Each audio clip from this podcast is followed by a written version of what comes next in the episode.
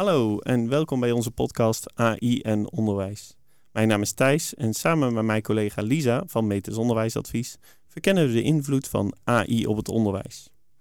In de afgelopen afleveringen hebben we onderzocht hoe de tool ChatGPT werkt, hoe docenten het zouden kunnen inzetten in hun onderwijs en welke impact het heeft op toetsing.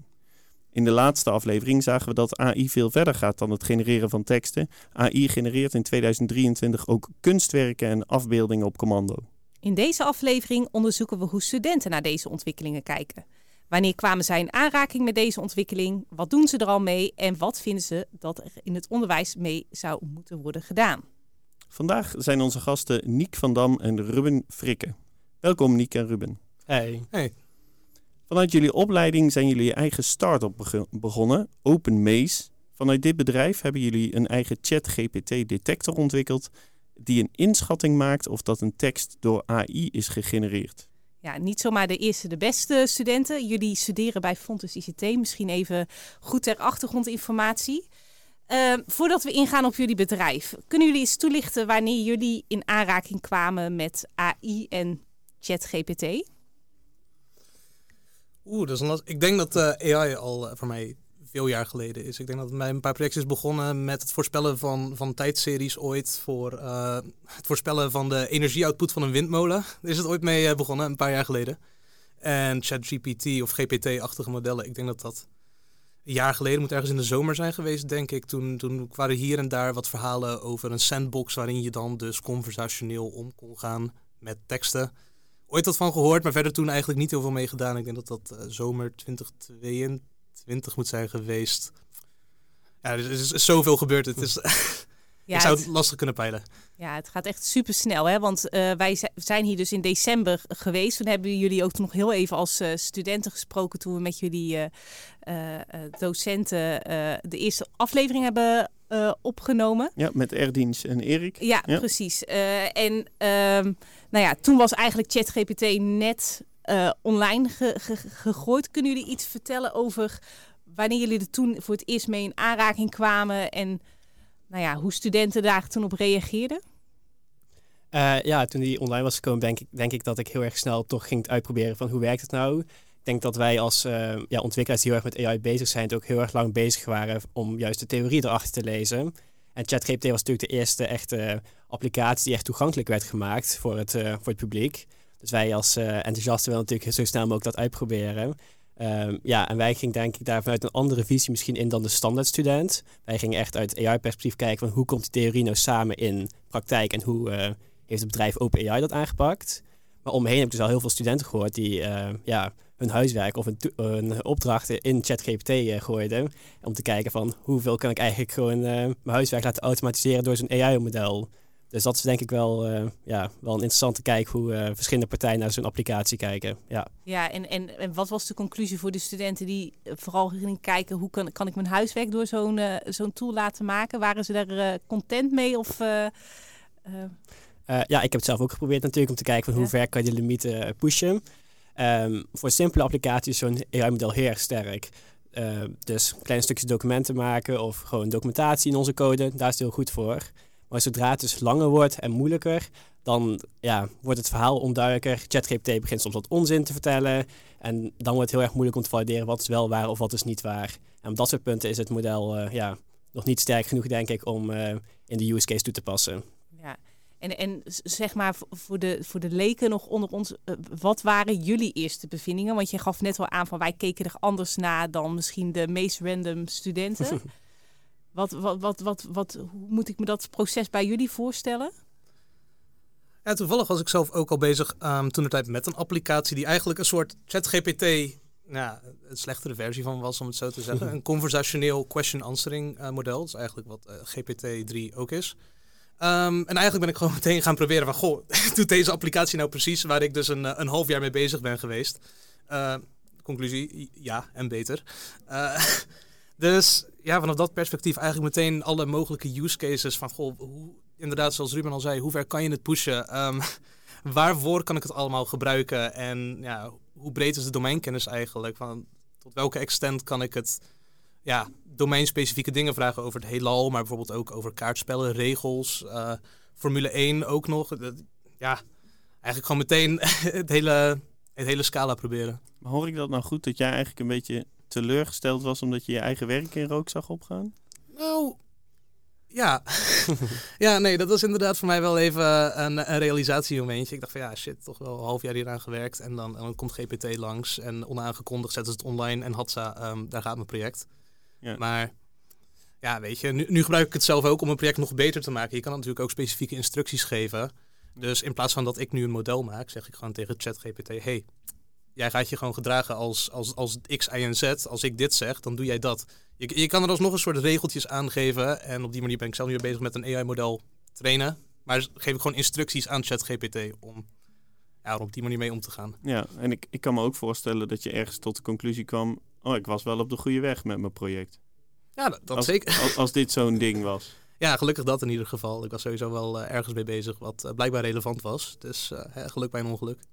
Ja, en, en nu gaat het natuurlijk echt heel erg snel. Want december waren wij hier en bij de Fontis, waar we nu ook zijn.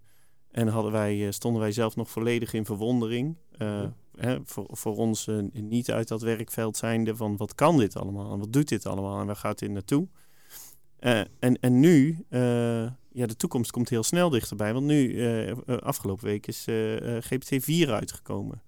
Um, ik, ik heb naar de, naar de presentatie gekeken op, op YouTube. Het, het kan duidelijk dingen meer, maar zouden jullie er eens iets over kunnen vertellen?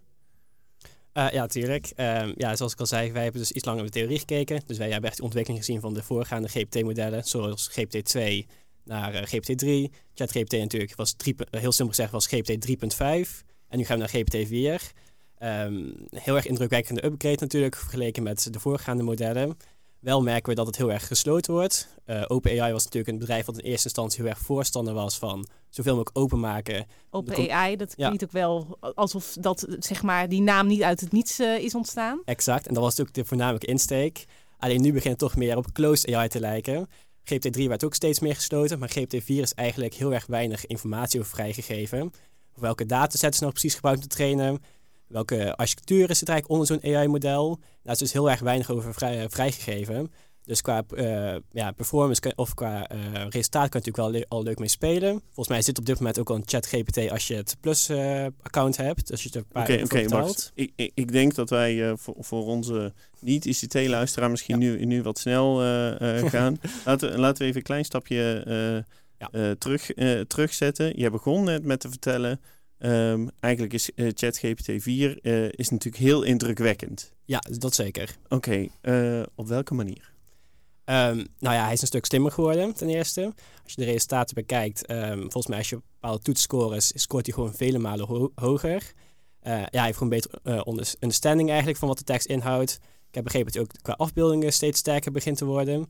Dus qua uh, use case is eigenlijk gewoon ChatGPT op steroïden eigenlijk, kan je het zeggen. Eigenlijk elke okay. wat alfaticon kan die nu beter, heel simpel gezegd. Ja, in, in vorige afleveringen, en ik hoorde jou net, net, net ook zeggen dat, dat je eigenlijk die, die uh, expertpositie, die moet je zelf nog hebben om, uh, om te kijken dat wat, wat de output van, van ChatGPT is, of dat dat waar is, of dat het onzin is. En zeker bij complexere vragen, dan, dan loopt die vaak vast. En jij zegt nu eigenlijk, die output die, die wordt steeds steeds beter. Uh, dus, dus is die expertpositie dan nog, dan nog even belangrijk? Ja, ik denk het uh, sowieso dat blijft. Um, het blijft een AI-model. Je kan niet altijd 100% zeker zijn van wat eruit gaat komen. En zoals ook al eerder werd gezegd, uh, soms dat heet dan dus hallucinaties.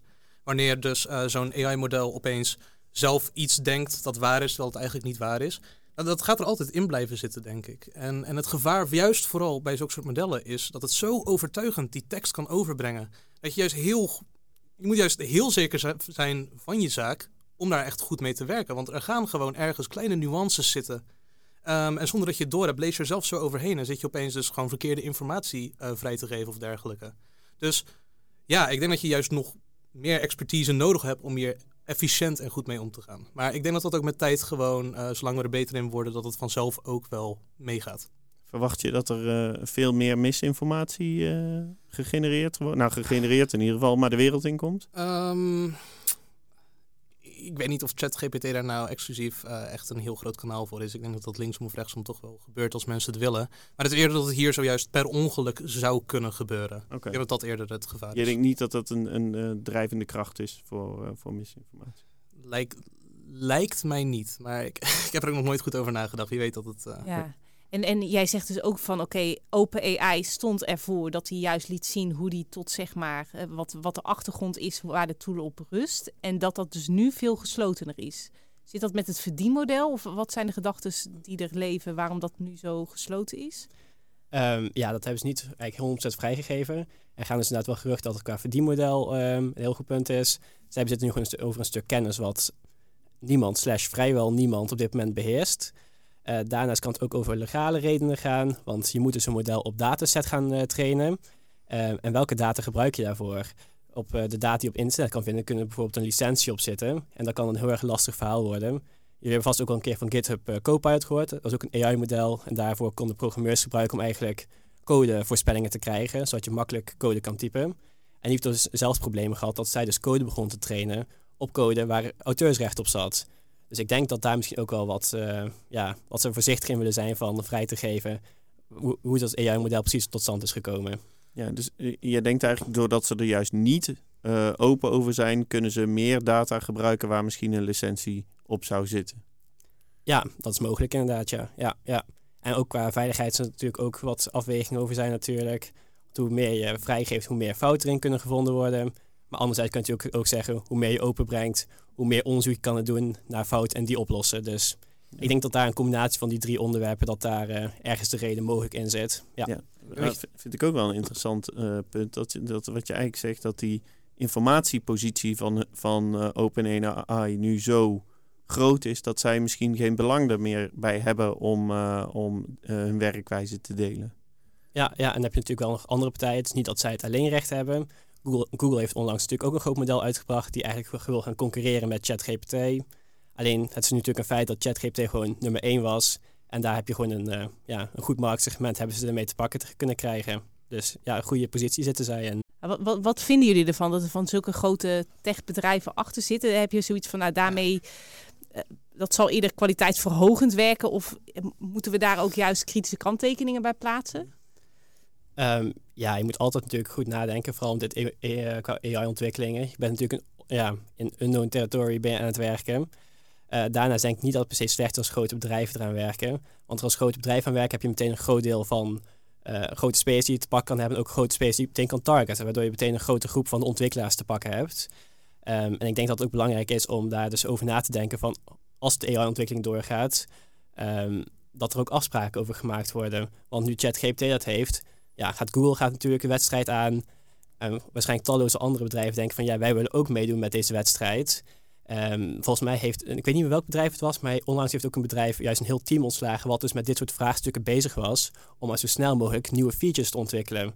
Dus ik denk als grote bedrijven dit hebben, dat je daar als ja, wel makkelijk over kan zeggen, we gaan met deze groep grote bedrijven gaan we afspraken maken hoe we deze, ja, deze wedstrijd het beste kunnen aanpakken volgens eerlijke regels. Dus dat is denk ik wel een voordeel erover.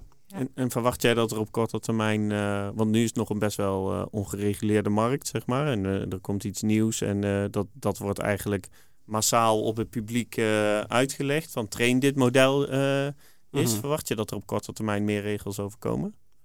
Ja, ja, ik, ja kort termijn is natuurlijk altijd de vraag hoe kort. Ja. Maar ik denk dat eh, AI is natuurlijk, begint steeds meer aandacht te krijgen. Ook natuurlijk in het uh, juridisch systeem zal het heel snel aandacht krijgen.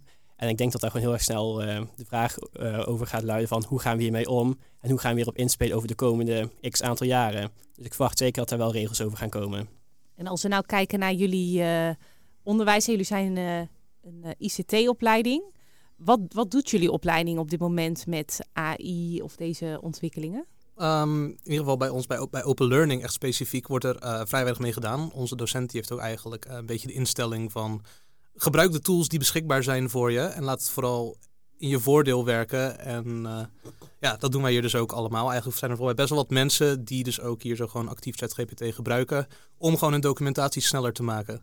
En dat is dan niet eens zozeer om, om dus... ja eigenlijk gewoon puur om dat herhaaldelijke werk weg te halen. Want meestal, tenminste we gaan hiervan uit dat iedereen gewoon domeinkennis heeft. En daarnaast wordt die domeinkennis hier ook best wel goed gevalideerd door uh, dialoog. Docenten en studenten praten hier best vaak, waardoor je dus ook eigenlijk gewoon uh, onderling tijdens dialoog kan je al valideren meestal of iemand wel of niet de kennis heeft die ze dus in zo'n document aanleveren. Dus hier wordt er best goed mee omgegaan, maar ik heb al heel veel geluiden gehoord uh, volgens mij over mensen die ChatGPT willen verbieden. En er zijn ook natuurlijk de handgeschreven toetsen zijn al benoemd en dergelijke. Ja, ik denk dat er wel een beetje in wordt doorgeslagen hier en daar. Ja, want, want kunnen jullie iets vertellen over jullie eigen bedrijf en de ontwikkeling die jullie daarin eh, hebben doorgemaakt? Want jullie hebben ook jullie eigen detectoren ontwikkeld. Ja, we zijn eigenlijk een, een, jaar geleden zijn we ongeveer begonnen met uh, ja, OpenMaze, ons bedrijf. En uh, toen hebben we ons heel erg gefocust op het maken van educatieve tools. Uh, daar kunnen we zo meteen nog misschien nog wat meer over hebben. Maar ChatGPT concreet, toen dat is uitgekomen, ik denk een paar weken nadat we hebben gesproken, toen dachten wij ook meteen van ja, dit, dit gaat een probleem worden in het onderwijs. En toen hebben we het dus ook over gehad met onze docent. En toen zijn we uiteindelijk achtergekomen, goh, we kunnen het altijd nog via dialoog valideren. En toen zijn we, hebben wij besloten, we maken een chat-GPT-detector die focust op dialoog tussen student en docent, om op die manier er alsnog achter te komen, heeft de student nu alle kennis? Want al die tools die er tot nu toe zijn, van Turnitin, van Instructure zelf, die straffen de student op basis van de content. En dan maakt het niet eens uit of ze wel of niet weten of wat er nou in staat, of ze dat nou werkelijk weten of niet. Nee, het is AI gegenereerd, dus jij komt op het matje. Hmm. En, en, en dat is gewoon een hele, hele scheve insteek, vinden wij. Dat is, ja, dat, dat moet veel beter kunnen. Ja, je, je zegt eigenlijk, je zou dus de uh, AI-teksten die, die gemaakt zijn, die zou je uh, moeten kunnen, uh, kunnen gebruiken. Mm -hmm. het, het gaat erom dat je als student aantoont dat je over de juiste kennis beschikt om, om een onderwerp in de juiste context te plaatsen. Ja, precies. En, en op welke wijze, uh, want je hebt het over dialoog, maar op welke wijze verschilt uh, jullie uh, de detector van, van andere detectors? Um, nou, op dit moment zijn wij bezig met bijvoorbeeld het genereren van vragen en het genereren van een samenvatting. Dus het moment dat een context in onze applicatie wordt gestopt, dan maken wij een samenvatting ervan. kan een docent of een assessor meteen zien, oké, nou, dit is dus de essentie. En wij genereren vragen. En dat zijn domeinspecifieke vragen. En dan hopen we dus dat een docent met domeinkennis gepaard met die vraag er dus achter kan komen. Goh, weet deze student waar hij het wel of niet over heeft? En ik neem aan dat een docent wel in de positie is om te kunnen valideren of een student dus die kennis wel of niet heeft. Dus dat is het grote verschil, dat wij echt op die didactische waarden willen inhaken. Die samenvattingen, die gegenereerde vragen. En zometeen ook alles in het Nederlands doen. Dat, dat is onbekend terrein. En daar is Ruben nu ook uh, heel hard mee bezig. Dus ja, ja. ja, goed samengevat. Vertel Ruben, waar ben jij druk mee bezig? Ja, ik ben dus technisch gezien ben ik nu, dus nu het uh, Nederlands ondersteuning aan het bieden. Want in de meeste, ja, AI of heel de ICT is natuurlijk heel erg het Engels gefocust. Uh, heel veel data is natuurlijk uh, vrijgesteld voor de Engelse data, voor Engelse teksten. En het Nederlands is natuurlijk nog ietsje lastiger. Maar dit soort uh, kansen waar Nick het over heeft zijn ook heel erg belangrijk om juist in het, Nederland, in het Nederlands toe te passen. En op Nederlandse studies. Dus vandaar dat wij ons daar ook op willen focussen. Ja, en, en wordt jullie tool al toegepast? dat jullie Um, ja, we hebben onderling, of we hebben hier en daar horen we gewoon wat tot geluid. Uh, we hebben is nu ook een gesprek met een, uh, een opleiding hier bij Fontes, de Creative uh, Economy opleiding, om daar een pilot te draaien over een aantal weken. Dus dan worden er in één keer grote stappen gezet en hopelijk goed geluid kunnen we erover verwachten. Mooi, mooi, mooie insteek. En, en je gaf aan van we zijn eigenlijk überhaupt aan het kijken hoe je AI in je onderwijs zou kunnen inzetten. Naast ChatGPT. Mm -hmm. Um, ja, zo zijn we nu ook allebei bezig met, ons, met onze eindstage. Zijn we ook bezig met AI, ook enigszins met een didactische insteek erin. Of in ieder geval, onze tools zouden gebruikt kunnen worden voor didactische meerwaarde. Um, zo ben ik bijvoorbeeld bezig met uh, ja, conversationele question answering. Dat zei ik in het begin ook al. Eigenlijk is het een beetje achterhaald door ChatGPT. Maar we geloven nog steeds in dat of als een assessor of docent, dat het heel waardevol zou kunnen zijn als je tegen een document interactief zou kunnen praten. En er zijn dus nu AI-modellen, die technieken, weten we dus nu, is beschikbaar. Dus als we dit in een goed jasje kunnen krijgen, dan zou dat bijvoorbeeld dus een hele waardevolle tool kunnen zijn voor het onderwijs. Ja, en, en als, als we dan uh, zo eens een kaas zouden nemen, stel je voor, ik zit in de, in de uh, tweede, tweede jaar van de hoveniersopleiding. Mm -hmm. En uh, ik moet daar een, een tuinplan maken. Mm -hmm. en ik, dat plan dat heeft verschillende hoofdstukken. Een, een mm -hmm. intro, het, het, plan zelf beschreven, het slotstuk en, ja. en een conclusie. Hoe, uh, hoe, hoe, hoe, zou dat dan, uh, hoe, zou dat, dan werken? Ja. Um, nou, hoe ik het dus voor me zie, is dat uh, dus eigenlijk op een andere manier gewoon met een document geïnteracteerd gaat worden. Dus in plaats van dat je lineair er doorheen leest, kan je dus nu als docent bijvoorbeeld meteen vragen: hey, ehm, waar gaat dit document over om mee te beginnen? En dat je dan dus ook eigenlijk in een conversationele manier, dus het document, quote-unquote, uh, reageert dan. Hé, hey, dit document gaat over X, Y en Z. Hier zijn een paar mogelijke vragen die ik zou kunnen stellen, nummer 1, 2 en 3. En dan kan je dus als docent kan je daar weer op inhaken en dan kan je zo ja, in dialoog met een ja, document, AI, kan je dan dus erachter komen wat is de essentie van het document. En het liefst wil dat dan ook gepaard doen met directe quotes uit het document zelf. Dus op die manier weet je ook echt van oké, okay, um, dit gaat ook echt over de essentie uh, dit is gewoon waar het over gaat. Het is niet dat een AI nu zelf zeg maar interpretaties levert van het document. Nee, we willen echt direct van de source dat quoten. Dan weet een docent, oké, dit staat erin, check. En dan zou je zo door kunnen gaan naar het volgende. En uh, die, die vragen die, die mm -hmm. dan geformuleerd worden, die, die, uh, die zijn op het niveau, op het gewenste eindniveau. Of, of zijn die. Uh, um, nou, het zijn eerder gewoon vragen over, over de content van het document zelf. Dit, is, dit gaat niet zozeer echt. Dit is niet een docent-student validatie. Dit is eerder een docent die echt tegen een document spreekt. Zonder mm. dat de student erbij is om dus de essentie te valideren, de context te valideren. Ah, oké. Okay. Okay. Nou ja, Ruben is bijvoorbeeld bezig met een heel andere tool die ook uh, met AI te maken heeft. Ook didactisch insteek uh, heeft. Ook wel leuk. Uh, ja, ja, zeker. um, ja, we hebben een ander probleem, wat we, of een ander probleem, een ander opzicht wat we merken, is dat steeds meer studies steeds opener worden. De studenten mogen zelf hun leerwijze bepalen of hun, eigen leerpad. Um, in tegenstelling tot het ouderwetse onderwijs, waar iedereen gewoon klassikaal hetzelfde leertraject volgt. Um, en we hebben dus hier een aantal problemen ervaren die hierdoor ontstaan. Is dat dus omdat iedereen zijn eigen leerpad heeft, het heel erg lastig wordt om hulp te vragen. De docent kan dus niet meer iedereen helpen, want elke student is iets anders aan het doen. En succes voor die één docent om elke student uh, bij te houden van wat zij aan het ontwikkelen zijn. Uh, dus vandaar dat we ook met een tool bezig zijn die juist inzicht, die eigenlijk kennisprofielen maken van de student, afhankelijk van wat ze inleveren. Dus stel je levert documenten in, zal die AI automatisch al deze documenten analyseren en gaan kijken waar is deze student goed in. En zodra een student dus een probleem heeft, kunnen de andere kennisprofielen van de andere studenten erbij worden gepakt en kan je heel makkelijk kennis bij elkaar brengen. Dus op deze wijze kan ook voor docenten natuurlijk heel erg handig, want docent A is bijvoorbeeld heel goed in deze onderwerpen, maar heeft misschien een student die heel iets anders doet kan een docent vinden of een begeleider vinden die wel kennis in dat vak heeft. En zo kan je dus heel erg makkelijk uh, ja, kennis bij elkaar brengen.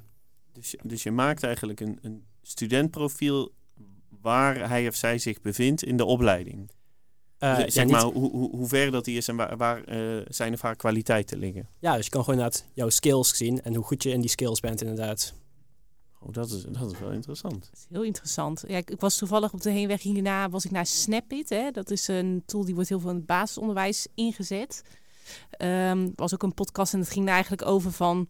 Uh, nou ja, ook hè, van je moet eigenlijk kijken of AI als soort van extra leerkracht ingezet zou kunnen worden. Hè, zodat je eigenlijk als docent weer meer die interactie uh, zou kunnen benutten. En dat hoor ik jullie eigenlijk ook wel zeggen. Hè? Van als je AI zou kunnen benutten om kennis bij elkaar te brengen of uh, om uh, snel de kern van een document naar boven te halen. Nou ja, dan kan je eigenlijk juist meer aandacht besteden aan uitwisseling onderling of meer interactie met docent tussen student. Is dat ook een beetje jullie gedachte of wat zou een soort van jullie ultieme doel zijn als bedrijf? Wanneer zou AI geslaagd zijn in het onderwijs? Uh, ik denk dat wij OpenMeester sowieso eigenlijk verder kijken dan alleen het onderwijs. Maar het onderwijs is zeker een interessante een markt die we op kunnen gaan. Dus eerder, wij willen gewoon AI, nieuwe AI, gewoon gave dingen willen wij beschikbaar maken voor bedrijven. En dat kan dan de school zijn, maar dat zou dus ook bijvoorbeeld uh, elke andere business kunnen zijn die geïnteresseerd is in AI. Wij willen gewoon het beschikbaar maken dat het niet meer zo'n rare abstracte term is, maar dat mensen gewoon zelf kunnen denken van, oh goh, ik heb hier ook mijn AI die dit dingetje voor mij doet. En als je nou kijkt, jullie zijn dus nu in je laatste jaar van je studie. Mm -hmm. Nou, jullie hebben ook best wel wat data gegenereerd, kan ik me voorstellen. In, uh, in jullie hele opleiding hebben best wel wat data tot jullie genomen. Als je nu eens met terugwerkende kracht kijkt naar de mogelijkheden van nu, wat, wat, wat zou je de opleiding of opleidingen in het algemeen aanraden? Als het gaat om de inzet van AI of waar vind je dat opleidingen iets mee moeten? Um, heel kort gezegd, sta AI toe. Ik denk dat ik daarop kan laten. Heel veel opleidingen zie ik, je gaat verbieden. Maar het is misschien belangrijker, leer, laat studenten leren om met die AI-tools om te gaan. Want het is denk ik heel erg krachtig gereedschap wat ze ook in het later in het bedrijfsleven kunnen gebruiken. Ja, en wat zouden ze dan precies moeten leren? Um, ja, ik denk zoals ChatGPT bijvoorbeeld, dat is denk ik een heel goed voorbeeld. Heel erg krachtig om te gebruiken. Alleen, zoals wat Nico zei, hij hallucineert soms. Dus hij vertelt soms wat onzin. Um, datzelfde net hoe uh, kinderen soms op de, uh, het internet ontdekken. Ze lezen elke site, ook nepnieuws. Um, en daarvan moet je leren wat is echt nieuws en wat is nepnieuws. En ik denk dat hetzelfde voor bij, bij ChatGPT moet worden geleerd van wat is al echt en wat is niet echt. Dus het validatieproces denk ik uh, ja, belangrijk om dat toch in, ja, te leren tijdens je studie. Ja, en dus het sowieso even hè, de, de valkuilen en wat, wat, wat, hè, wat, wat is sterk en wat, is er, wat zijn eventueel aandachtspunten bij zo'n ChatGPT. Ik hoorde jou Ja. net ook zeggen van je kunt het echt, je kunt zo'n AI-tool best wel trainen. Hè? Dus als je heel goed nadenkt welke input genereer je. eh, hè, dus ehm, nou ja, ik, Mhm. zag de vorige keer zo'n post eh, om eh, afbeeldingen te genereren in eh Midjourney. En als je dan ChatGPT goede input geeft, dan genereert hij ook betere output. Mhm. Zou je daar studenten ook in kunnen trainen? Oh, echt wel. Ik, ik denk dat dat juist is waar, waar de kracht ligt van deze tool. Want dat, dat heet dus prompt engineering. Dat is dus echt het maken van specifieke prompts.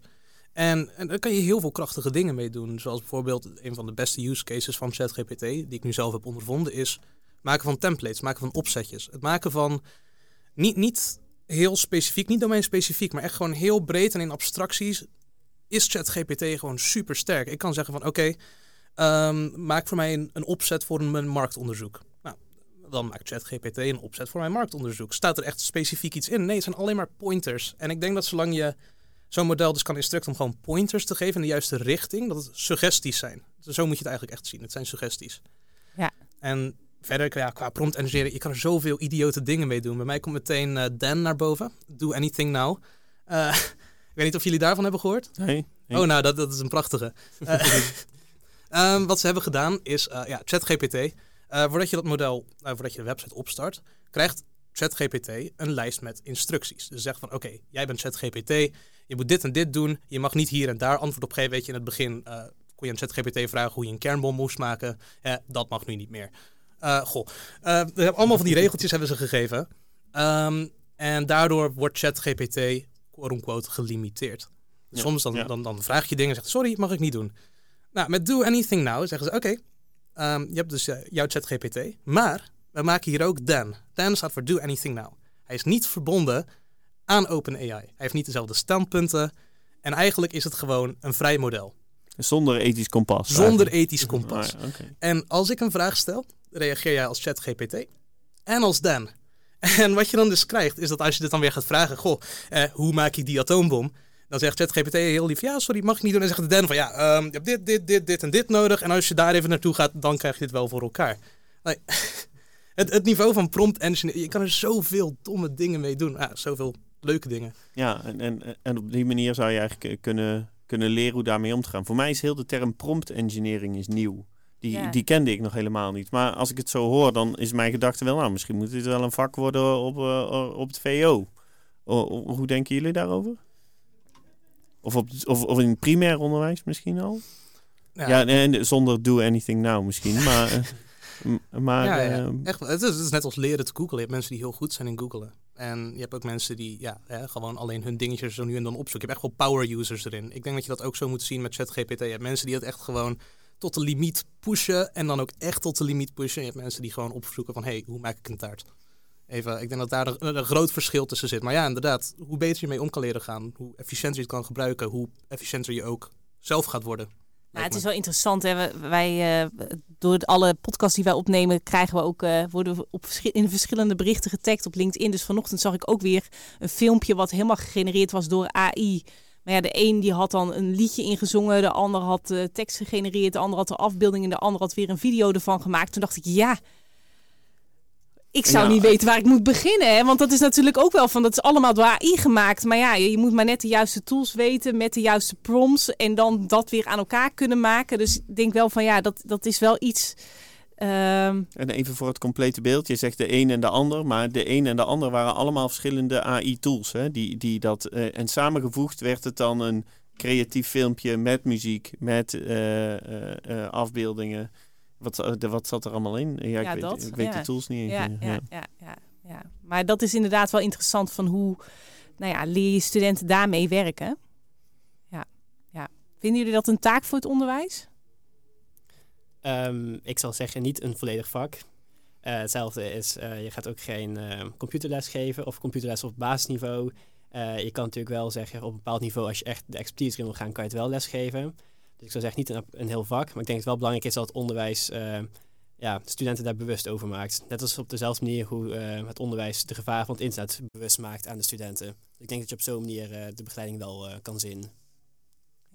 Oké, um, dan nog even voorzichtig, voorzichtig naar, naar de toekomst kijken. Hè. We, we, hadden het net over december waren we hier. We zijn, we zijn nu hier. mijn vraag is, moeten we in augustus terugkomen omdat er dan een, een volgende AI-revolutie is. Waar denken jullie dat het naartoe gaat? Ik, ik zou het niet eens weten, eerlijk gezegd. Ik weet niet of je... Um, ja, het is denk ik heel moeilijk inschatten. AI bevindt zich nu echt in een razendsnelle uh, achtbaan eigenlijk die alle kanten op gaat. En vooral op tekstgebied is op dit moment echt ontzettend veel onderzoek naar gedaan. En uh, ja, nu het ook heel veel aandacht bent te krijgen, wil elk bedrijf eigenlijk ook daarop inspringen. Dus ik denk zeker dat nu die hype heel hoog is, dat er, heel veel, dat er op korte termijn heel veel ontwikkelingen nog uh, zullen plaatsvinden. Ja. Dus uh, als je nog een keer wil langskomen, ben je het altijd welkom hier. Nou goed, dat, dat, dat doen wij. Ja, mooi, mooi. Nou, interessant. Kijk, we zeiden net al bij de introductie, jullie zijn niet de eerste, de beste studenten. Hè? Wij zijn vooral eigenlijk met uh, twee experts aan tafel. Dus dat is eigenlijk alleen al mooi om te zien hoeveel jullie in de opleiding hebben meegekregen uh, van AI. En dat uh, hebben jullie natuurlijk ook al toegepast in jullie eigen, in jullie eigen bedrijf. Maar grote oproep in ieder geval van omarm het als docent en ga met studenten in gesprek over hoe gaan we het goed inzetten.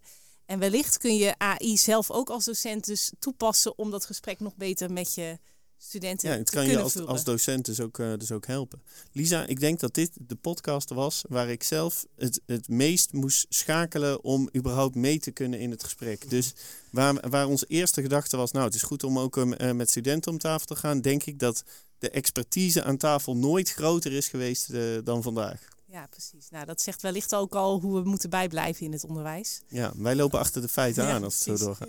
Ja. Ja. Oké, eh, ik, ik wil jullie hartelijk danken voor, eh, eh, voor het gesprek. Ik vond, het- ik vond het bijzonder interessant. Ehm, en ja, de- wat je net zei, als er een volgende GPT is of er is een volgende revolutie, wij- wij staan op de stoep. Want ik, ik zou het wel willen leren zelf. Dankjewel. superleuk. Ja, Bedankt. zeker. Heel erg Ja. bedankt. Dankjewel.